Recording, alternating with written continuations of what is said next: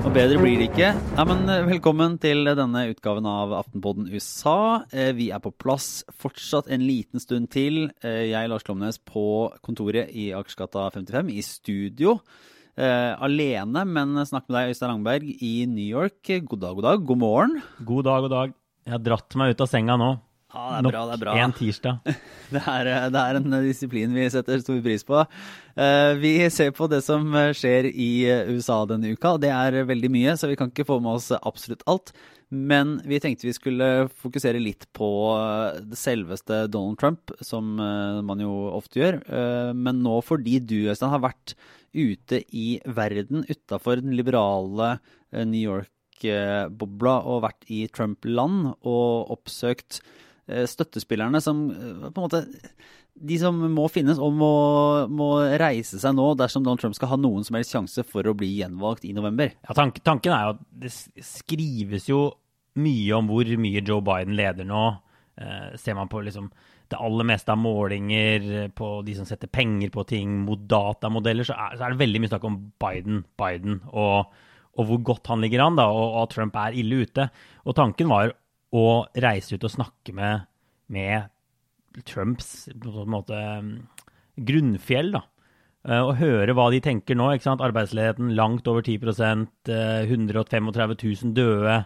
eh, Massive protester i gatene. Altså, Begynner de, å, de også da å miste troa på Trump, da er han i så fall eh, totalt finished, hvis det er tilfellet. Så det var tanken for, eh, for denne reportasjen. Men jeg syns det er litt interessant å, å tenke på hvordan du faktisk, hvordan er det man går fram og finner Trump-velgere som man skal snakke med i, i dag, da? For nå er det jo eh, Målingen er dårlig, eh, situasjonen er ille. Hvor, eh, hvem er det man går og snakker med hvis man skal ha, ha de som fortsatt står ved Donald Trump, egentlig? Man må i hvert fall kjøre ut av Brooklyn. Det er steg, steg én. Nei, eh, det, man kan dra på sånne, for eksempel sånne Trump-store folkemøter, men det har vi litt sånn dårlig erfaring med. De folka som er der, er ofte sånn totalt drilla i hele det der Trump-universet. De bare liksom kaster seg rett på fake news, nærmest som litt sånn, sånn trente politiske konsulenter. Så, så, så ønsker jeg å snakke med noen som, som senker garden litt, og kan fortelle litt om hvem de er, hva de tenker, gå litt sånn dypere ned i ting. Og jeg var jo da nede i, nede i sørstat, jeg var i North Carolina. Eh, og det er også covid-19 nå, så det er litt sånn vanskelig å, å finne eh, mange mennesker samlet på et brett. Men jeg gjorde det, da. Så jeg fant en sånn derre, hva skal jeg kalle det, landbruksmesse, som jeg ikke visste helt hva jeg gikk til. Det heter Annual Southeast Old Treasures Reunion, er det korte navnet på det stedet jeg valgte å dra til. Og jeg var veldig usikker på hva det var, men med en gang jeg kjørte inn der med, med leiebilsuven min, så skjønte jeg at dette var liksom drømmestedet, egentlig, for det, for det jeg skulle.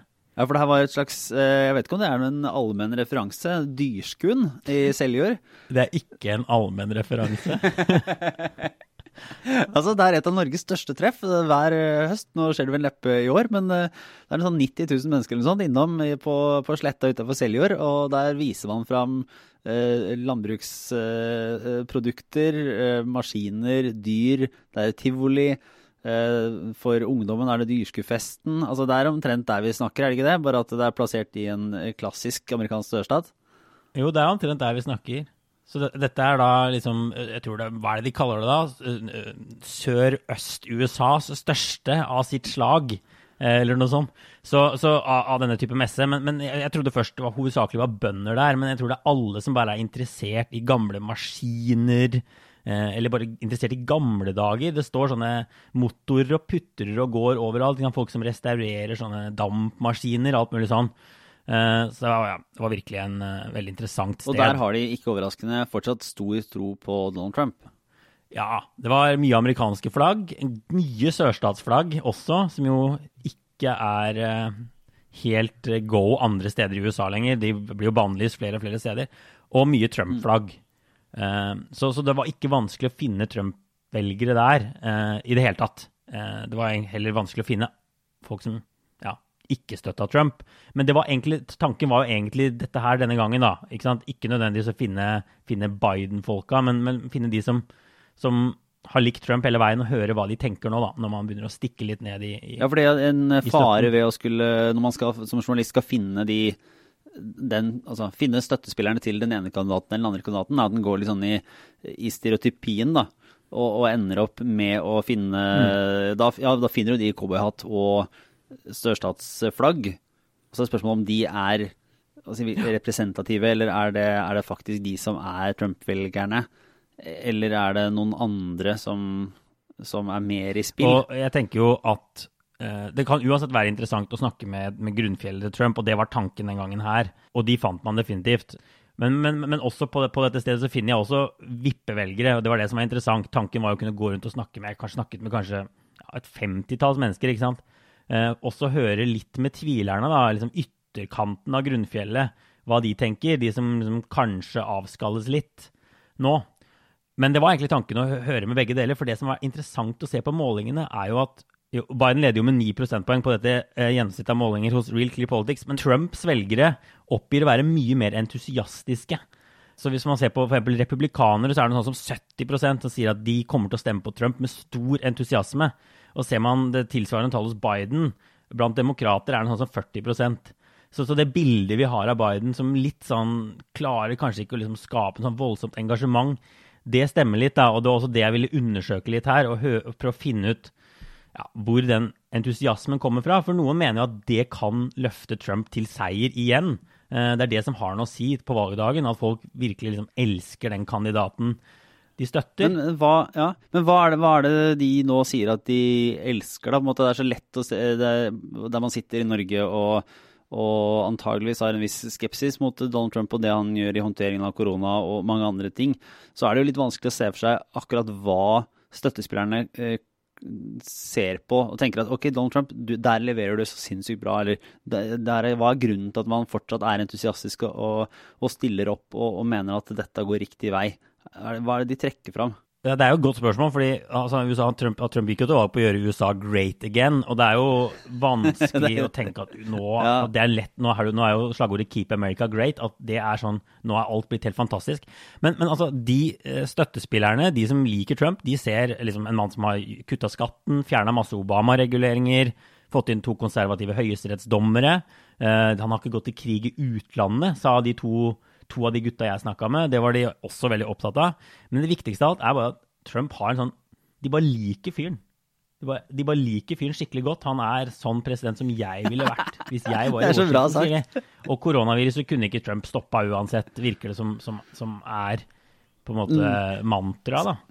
Så det finnes det der USA der ute som De likte ikke George Bush, de er republikanere, men likte ikke Romney Bush og den typen. Men, men Trump har et eller annet ved seg da, som, som gjør at folk følger han ja, er villige til å gå gjennom ild og vann, nærmest, for han. Og det er de fortsatt. Og Det er interessant bare å bli minnet på at det USA fortsatt finnes der ute. da, Og de er, ikke, de er ikke bare en liten minoritet, det er en betydelig andel av befolkningen som, som elsker denne mannen. Jeg synes det var så kult, for et, eh, et sitat der som jeg lurer på om du kanskje kan eh, utdype hva, litt hva som var, eh, var, synspunktene bak det. For det var en av de du snakka med som, som, sa et eller annet, nå har jeg det ikke helt foran meg, men at, at det var fint å ha Trump fordi under Obama så var det så, så, så mørkt og trist. Eller det var så, så mye negativitet. Ja.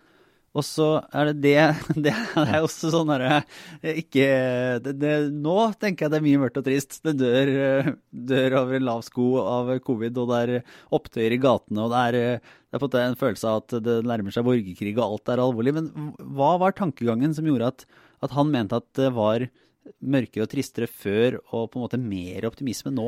Fikk du noe grep om det? Altså, jeg tror det handler om at de har en president de kan kjenne seg igjen i, bare. Eh, rett og slett. Som, som, de føler at snakker litt sånn som dem, som kjemper for de sakene de er opptatt av. Som, som kjemper for Amerika hver dag, sier de. Eh, som på en måte står opp og er patriot. Og dette er jo to hvite, eldre menn så, som åpenbart ikke var noen fan mm. av Obama. Av mange grunner, helt sikkert. Men, men, men, det finnes i hvert fall en gjeng som, som bare ser på Trump som he, en helt annen type president. Da. De sammenligner han litt med Reagan, og det er sikkert mange Reagan-fans som syns det er liksom litt urettferdig òg, at Trump og han skal, skal, sidestilles.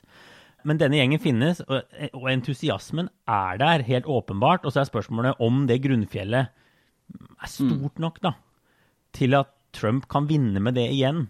Fordi Trumps strategi virker veld, veldig og går veldig ut på bare å få disse gamle gutta, disse som virkelig elsker ham, bare totalt hva skal vi kalle det, mm. fired up, superentusiastiske. Det er strategien. Ikke å få inn noen nye til, til koalisjonen. Nei, nettopp, ja, eventuelle nye er i så fall de som på en måte tilhører samme i gruppe, da. Altså det at du, han, han bygger ikke noe større sånn storkoalisjon, men kanskje rekruttere Eh, nye, ikke så politisk engasjerte, ikke tidligere eh, Altså folk som ikke stemte sist, som nå ja. måtte skal la seg engasjere igjen av, av den samme entusiasmen til, til denne særlig kanskje sånn kulturelle gruppa. Men eh, sånn som det ser ut på målingene nå, så er jo ikke det ja. Så er det få sånne matematiske scenarioer der det vil kunne være nok, da. Hvis ikke, hvis, ikke, hvis ikke, tallene nærmer seg, eller målingene er helt, uh, helt off. Ja, nei, og, og, ja, og, det er riktig, ikke sant. Og, og, det konfronterer jeg jo folk med. Og jeg snakket ikke bare med, med disse Trump-velgerne, jeg snakket også med noen lokallagsledere for republikanerne, som har bare sånn helt annet bilde på verden. I, i, en, i et vippedistrikt i, i, North Carolina, som er sånn distrikt hvis det stemmer for Trump, så, så går North Carolina for mm. Trump. Og da eh, kan det hende at da er det stor sannsynlighet for at Trump blir gjenvalgt som, som bare ser, ser, det sånn at uh, mange av de som stemte for Obama og så Trump, de er fortsatt Trump-fans, sier han når han ser på mm. nettverket sitt, han lokallagslederen. Så han tror Trump kan vinne i han, han, kaller jo valgskred til Trump, som jo er nesten ingen andre som tror på. ikke sant? Og, og, og, så kan man si nei, målingene viser ikke det. Modellen til The Economist viser at Trump har 9 sannsynlighet for å bli gjenvalgt som president nå. Men de sier jo bare, ikke sant Alle sa det samme om Clinton. Hun er ikke president. Hvor ble det av Clinton? Sier jo de, i hvert fall de gutta jeg snakka ja. med, ganske spydig. Og det er jo et godt poeng, på en måte. Så jeg tror veldig mange har mista troa på målingene på begge sider. Men det, jo, det, høres jo litt sånn eh, erkeamerikansk ut, da, og kanskje ekstra politiker, at her er det så mye entusiasme, og uh, vi forholder, vi ser det vi ser, og ingen skal komme her og fortelle meg noe annet. Og, men er det noe som tyder på altså Er det typisk sånn som de lokallagslederne sier, da? Er det noe de kan peke på helt sånn konkret? Som, som, underbygger det, som vi kanskje ikke oppdager fordi man ikke sitter nær nok, eller fordi man eh, kommer utenfra? Eller er det mer sånn anekdotisk og, og påstander om at, å, å, tro på at det skal være bedre, og som du sier da, argumentere med at det så mørkt ut også i 2016, men det gikk bra. Derfor kommer det til å skje igjen i, i år. Ja, nei, det er mye tro. Det er det ingen tvil om. Mye tro, og så bare en sånn skeptisk til alle meningsmålinger. Og så viser han til sånne ting som at at de har voldsom interesse for å sette opp sånn Trump-skilt i hagen. Det var det ikke i 2016. Eh, det kan ha noe med at mange var litt sånn flaue for å stemme på Trump da, og at de, de er mer stolte over å stemme på Trump nå. Eh, og Politico tok en sånn ringerunde til et femtitalls republikanere som også liksom på, på lokalnivå da, som, som sier at de har tro på at dette kan gå for Trump igjen, når de snakker med folk. Men det er ikke noe som fanges opp i målingene. Uh, målingene viser et helt annet bilde da, enn det de tegner. Så det er, ja, det er, litt vanskelig å vite hvor mye man skal, man skal, tro på dem. De sier også at de selvfølgelig, når meningsmålerne ringer, så, så, så, så svarer de ikke, de bare slenger på røret uh, og antyder at derfor blir Trumps støtte mm. undervurdert igjen. 2016 var sikkert en god påminnelse om at man må ta målinger med en klype salt. Og så må man ikke liksom kaste målinger helt over bord, tror jeg, da. Jeg stoler fortsatt ganske mye på meningsmålinger, og jeg tror det er noen viktige ting å ta med seg fra 2016. Mm. Noen lærdommer som vi bør minnes om nå. Uh, og det første er jo at målingene nasjonalt bomma ikke så fryktelig mye i 2016. Det var, ja, det var ikke sånn enormt store forskjeller. Det, det, var, eh, det var noen prosentpoeng som bikka totalt sett. Og så var det noen få vippestater der, der målingene åpenbart var dårligere enn det de burde vært, da, som gjorde at, at det ikke så så rosenrødt ut for Clinton eh, når resultatet kom, som det gjorde dagen i forveien, for å si det sånn. Ja, ikke sant? For Clinton, jeg tror Clinton vant med 2,1 prosentpoeng over Trump. Så hun fikk jo faktisk flere stemmer enn han. Og de siste sånn, gjennomsnittene av målinger viste hos Real Clear Politics 3,2 prosentpoeng mm. Clinton-ledelse. 538 hadde litt mer. Men det er en helt vanlig sånn meningsmålingsbom. Så mye bommer de. Det er ikke en veldig grå feil. Og jeg tror gjennomganger, par gjennomganger jeg har sett, viser at de bomma jo mer i ja. 2012 mm. i det valget der, de nasjonale målingene. Men da var det motsatt fortegn. Da overvurderte de Romney inn mot valgdagen, og så vant Obama med mer enn det alle trodde. Eh, men da var Obama uansett sett på som en liten favoritt. Så det var ikke noe sånt Obama vant bare med mer enn det, trodde, enn det de trodde. Men det som er riktig i 2016, er at meningsmålingene bomma man må kunne si grovt i noen vippestater. Og del to av det er jo at de også, den meningsmålingsbommen i 2016 var avgjørende for valget. Den snudde valgresultatet fra Clinton til Trump. Og Det er derfor mange har mista troa på målingene sånn etterpå. Men nå er jo målingene så klare at, eh, at det, det, en feil i seg selv vil ikke kunne snu det snittet. Altså det vil, det vil være helt, I praksis vil være helt sjokkerende dersom en, en ren sånn meningsmålingsfeil, gitt at uh, dagens situasjon var at det var valgdagen, altså at meningsmålingene var valg, så ville du ikke fått ja. altså Det er langt utafor feilmarginene, det som er, eh, det som er total, i hvert fall tallene nå. Sånn at det, det, Også republikanerne må jo se for seg at det skjer en eller annen en normalisering, eller at, at, altså at Trump-entusiasmen vokser, eller at han får økt støtte og Biden får mindre støtte, før de kan begynne å tro at også meningsmålingene ja, kan, eh, kan, glippe litt, da, og, og at det har snudd. Altså, jeg tror jeg tror hvis du ser nå, Clinton leda med rundt 4 prosentpoeng på denne tiden eh, sist. Biden leder med 9 prosentpoeng nå. Mye større ledelse. Og hvis du ser på vippestatene, så leder Biden i de liksom avgjørende antageligvis vippestatene. Altså leder han med 9,6 prosentpoeng i Michigan og 80 i Wisconsin og 7,5 i Pennsylvania. Hvis han vinner de tre statene, ja. så har han vunnet valget. Og det betyr jo at han tåler en mye større meningsmålingsbom enn det som var i 2016. Ja, skal det sies at de har jo da, de, Det er litt flere meningsmålinger i de tre statene nå enn det det var i 2016. For nå har man både sett at det kan være så avgjørende, og det kan tas feil. Så en får jo forutsette at de som lager meningsmålinger i USA, så klarer å bli litt bedre i løpet av fire år da, på å forstå hvordan de skal treffe presist. Ja, og det er også en annen grunn til å tro litt på disse målingene. da, at de har, det, det En viktig sånn når de gjennomgikk målingene fra 2016, en feil mange gjorde, var at de undervurderte betydningen, eller hvor mange velgere uten høyere utdanning som gikk og stemte. Og de stemte jo da overveldende for Trump i 2016, så det betydde også mye mer å vekte riktig mm. på utdanning enn tidligere valg. Da har ikke utdanningsvekting vært så viktig. Så det er det flere måler, meningsmålere som gjør nå. De vekter utdanning, så de mener at de har mer presise mål. En annen grunn til å tro på målingene, hvis jeg skal gå gjennom smørbrødlista, er at det er mange, flere, eller mange færre velgere som ikke har bestemt seg nå, enn det var i 2016. Folk kjenner Trump, de vet hvem han er. Folk vet hvem Biden er. Så sånne undecideds er det færre av, som gjør at målingene svinger mindre. Du ser også på Bidens ledelse har vært ganske sånn jevn en god stund nå. Og det er jo også noe som tyder på at dette kan liksom holde inn. Også som du sier, så er det flere gode målinger som gjennomføres i vippestater, ikke bare nasjonalt, enn sist.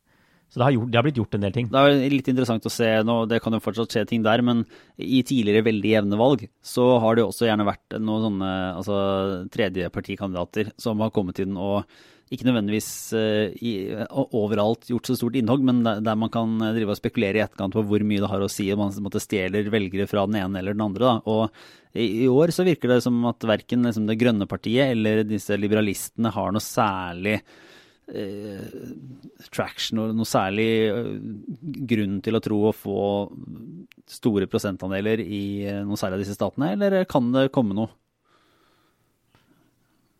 Nei, det virker som, som de tredjepartiene vil spille en mindre rolle denne gangen mm. her enn sist. Uh, og det var jo er jo trukket frem som en forklaring på hvorfor Clinton tapte, at mange stemte grønt fordi de trodde hun mm. skulle vinne uansett. Og det er jo kanskje en fordel for Biden. da, Veldig få nå, selv om han leder klart på målingene, tar seieren hans for mm. gitt. ikke sant? Uh, mange tror jo Trump kan vinne. Så det kan gjøre at eh, mange bare slutter opp om Biden, selv om de egentlig ikke er så voldsomt entusiastiske for han. Og bare for å ta en siste ting, da, når vi sier at entusiasme for Biden er lav, så er entusiasmen, eller hva vi kalle det, ja. hatet mot mm. Trump, enorm blant demokratene. Og når de blir spurt om er du liksom klar for å gå og stemme til høsten, så er det like mange demokrater som, som, republikanere som sier ja. Det er bare at de stemmer mot Trump framfor for Biden. Eh, og så er spørsmålet om den negative entusiasmen da, betyr like mye som, som at du elsker en kandidat. Eh, det vil jo vise seg. Men, eh, men det er ja, det, er jo, det, er jo, feil å si at det ikke er noen entusiasme på mm. demokratisk side. på en måte. De vil kvitte seg. Ja, det kan være en viktig drivkraft. Eh, så vi får bare se hva det betyr på valgdagen. Vi har jo en annen tredjekandidat, Kani West, West, som vi ikke har snakka om her. De har, de har putta han inn, Vi skal ikke snakke mye om han. Jeg er usklar på hvor seriøst dette prosjektet hans som å stille som president er. Men jeg så en meningsmåling nå som viste at han Det betydde ikke særlig mye fra eller til om han var nevnt som en kandidat. Han plukka faktisk tror det var ett prosentpoeng fra Trumps, fra Trumps oppslutning, og ikke fra Biden. det er også veldig uklart akkurat det, hvilken vei det vil slå. Men, men altså, bare, bare, for å ta, ta, ta til slutt, altså Trump har sitt entusiastiske grunnfjell. Mange er litt mer forsiktige enn i 2016 med å si at Trump er sjanseløs. Han har fortsatt den fordelen at han gjør det bedre i de avgjørende vippestatene enn han gjør det nasjonalt. Så hvis målingene blir litt, hvis han, hvis han forbedrer seg litt, så er han plutselig på skuddhold til å kunne kanskje Eh, skvise ut en seier da, i dette valgmannskollegiet, sånn som sist. Tape, Totalen, men, tape, eh, men få uh, ja. I antall stemmer, men vinne i antall valgmenn. Og så han, hadde han jo ikke en spesielt proff kampanje sist. Og nå har han mye mer penger og et mye større apparat. Så det kan hende at de kan klare å kverne ut en del mm, mobilisering fram mot valget med det. Men likevel, altså jeg vil si, følg med på målingene, men husk at, husk at de, de kan. Kan oh, ja, sånn, bomme litt. Men eh, ja, eh, helt bare en, eh, skal si en, en 40 sekunders oppsummering av koronasituasjonen siden sist. Det ser jo ikke bra ut i det hele tatt. Nå er det, nå er det høye tall jevnt over, og flere byer og, og, og, stater gjør grep for å stramme opp og, og, stenge ned igjen. Så det er jo ikke noe sånn god oppskrift for Trump, det heller. Mm. Så det, USA er på vei tilbake i en lockdown, i hvert fall. Litt. Og vi snakket jo om dødstallene i forrige uke. Nå viser de en ganske sånn klar oppadgående trend igjen. Så de som sier at det måtte være bare spørsmål om tid, det tok tid folk, fra folk blir smitta til de dør, de ser ut til å ha rett. Altså Man er langt unna der man var på det verste, men, men de viser de går opp ja. igjen, i hvert fall. Uh, som jo er en annen sånn dyster dyster, uh, veldig dyster trend. Det roligende er at uh, Donald Trump har gått til mer eller mindre full krig mot han dr. Fauci, han smittevernoverlegesjefen. Det er jo veldig spesielt. Og tar, for å ta målinger igjen, da å, når, når, de spør amerikanere om de stoler på hvem de stoler på i koronaspørsmålet, så er det jo sånn 60-70% som sier at de stoler på den informasjonen som kommer fra Fauci, og godt under 30% som stoler på den informasjonen som kommer fra Trump. Så han legger seg ut med en fyr som folk stoler på. Som Det er bare sånn også politisk, taktisk, veldig, veldig pussig ting å gjøre av presidenten. Og, og, når vi snakker om hva skal til for at målingene skal bli litt sånn jevnere igjen, så er jo det å få koronavirus under kontroll. Uh, og per nå så er det jo ingenting som tyder på det. Og det er jo under fire måneder til valget. Uh, vi fortsetter med en liten runde med obligatorisk refleksjon. Uh, da kan jo egentlig du begynne, Øystein, med noen tanker inn i det som potensielt er sommeren. Ja, dette er også Trump-relatert, da, for å bare for, Ja, vi holder, vi holder tema. Det er bra. Ja. Trump-episode her. Han, han, er jo en, en fremtredende figur i amerikansk samfunnsliv, Donald Trump. Så, så, dette er en artikkel fra New York Times om en fyr som driver en kafé. Han heter Thomas Bosco. Eh, vi kan legge den ut. Eh, denne kafeen, Indian Road Café, ligger på Manhattan. Eh, den beskrives i artikkelen som en progressiv oase. Det er Black Lives Matter-skilt i vinduene. Det er sånn lokale skribenter, artister, musikere som henger der. Aktivister. Og så stiller han eieren opp i et intervju om koronaviruset og håndteringen av det, hvor han ender opp med å si at han stemte på Trump i 2016, og han kommer til å stemme på Trump igjen. For han synes presidenten har gjort noen feil, men han gjør stort sett en ganske god jobb. Og hva det tror du skjer da? Det høres risikabelt ut i dagens klima å, å, spille på de to hestene der. Ja, det er total backlash. Det er boikottbudskapet bare sprette seg i nabolaget. Jeg var inne på Facebook-siden hvor han la ut noen greier i juni sånn, eh, om skryt av New York, et eller annet. Og da var det bare sånn 100 kommentarer med 'aldri skal vi tilbake til dette stedet', 'vet dere hvem han stemmer på'? Så, så, han er rett og slett redd for å gå ut av business, ikke pga. koronaviruset, men fordi han støtter Donald Trump. Og dette er jo ikke et helt ukjent fenomen. Nei, det er jo ganske vanlig nå. Den, den, var det ikke det var en Nå glemmer jeg, glemmer jeg for øyeblikket hvilket uh, selskap det var, men det var en annen sånn toppsjef som var ute og snakka positivt om Donald Trump, som uh, pådro seg en hel runde med boikotter. Ja, han sa, han sa, Det var lederen i Goya som lager sånn ja, latinamerikansk ja. mat, mm. gjerne på boks som, som, sa at USA var blessed to have a leader like Donald Trump da han var i Det hvite hus. Og nå er det også en full boikottkampanje av dette matprodusentselskapet Goya. Folk filmer at de pælmer produktene i søpla. Det er, det er harde fronter, altså. Det er... Ja, det er veldig rask vei til boikotten. Og man tenker jo da at han er sånn maga, eh, rød hatt-fans. Men, men det, det, finnes jo ikke sant, så mange sånn Når man reiser ut og prater med folk i USA, så finnes det så mange rare oppfatninger og politiske sånn så, Folk er ikke nødvendigvis sånn ideologisk konsistente. ikke Mm. sant? For han sier han stemmer på Trump, men han stemmer også på eh, Cuomo, altså guvernøren i New York, som er demokrat. Han stemte på Obama. Han pleier liksom å støtte presidenten, sier han. Han støtter også ordføreren i New York, som også er demokrat, de Blasio. Så det er litt sånn Jeg vet ikke. Det, man må jo kunne gå på den kafeen man vil, men ja. Nei, det, bare, det viser hvor, hvor, hvor ekstremt polarisert USA er nå. Å støtte Trump er liksom nærmest som å si at, at USA skal bli en autoritær stat, og man skal Da har man gått eh, ja. ja. gå til angrep på minoriteter, og det er jo sånne ting de trekker inn. ikke sant? De tegner et helt sånn menneskesyn av en person. Det høres, ja, det høres slitsomt ut. Men eh, ja, jeg skal egentlig bare komme med en anbefaling som spiller på noe av det samme, egentlig. Men eh, det er en podkast som heter Longform. Det er lengre intervjuer med skribenter som forteller om eh, måten de jobber på, hvordan de holder på. De har flere veldig, veldig gode samtaler. og og, og, prater på en fin måte med interessante mennesker. Og nå har de en episode fra et par uker siden, som er altså episode nummer 398, da, med han Dean Becke, som er eh, sjefredaktøren i New York Times. Der han blir intervjua og prater om bl.a. den saken eh, som førte til at James Bennett, han debattredaktøren, måtte gå av, som vi har diskutert i podkasten tidligere den våren. Mm. Men også litt om hvordan New York Times har endra seg gjennom Trump-tiden. da og hvordan de har måttet ta stilling og kanskje skrive på en litt annen måte enn det de gjorde før. Og, har måttet endre syn på, på, det som har med en sånn nøytralitet eller objektivitet, eh, hvilke ord man bruker. Altså har, Der har det skjedd noe eh, de siste åra. Mm. Og, og, det kan jo ha positive og negative, konsekvenser. Men den, det er jo noe jeg merker det jo sjøl når jeg leser eh, amerikanske aviser. At det nyhetsspråket som nå også går løs på beskrivelser av Donald Trump f.eks., det er ganske mye mer sånn meningsytrende enn det man er vant til å lese. Uh, og mm. Ja, de, er, de, de stempler f.eks. taler og ting han sier som, bare, som rasistisk. De slår fast at bare noe av dette i en rasistisk tale til bla, bla, bla, sier Trump det, det. Sånne type ja. ord bruker mm. de, og de kaller jo ting konspirasjonsteorier når, når, når, når det er ting Trump skriver som som man ikke finner mm. belegg for noe sted. da. Mye raskere med å sette sånne stempler på ting. Og der er jo ikke norsk journalistikk helt ennå. Det skal mye til før Aftenposten karakteriserer et budskap som rasistisk uten å få noen andre til å si det, da. En ekspert eller noen Jeg er ikke så sikker på om jeg mener at det er altså, det, er, det er ikke nødvendigvis galt av New York Times å gjøre det. For altså, man må jo akseptere at rasisme fins. Og en uh, tale fra et mektig menneske, det er, det er, et, det er ikke, ikke svart-hvitt, men du, ser jo fortsatt forskjell på, på si, lysegrått og mørkegrått. Og det, det, er jo nyanser, og på et eller annet tidspunkt så må man kunne karakterisere ting og slå fast at, at de er noe også.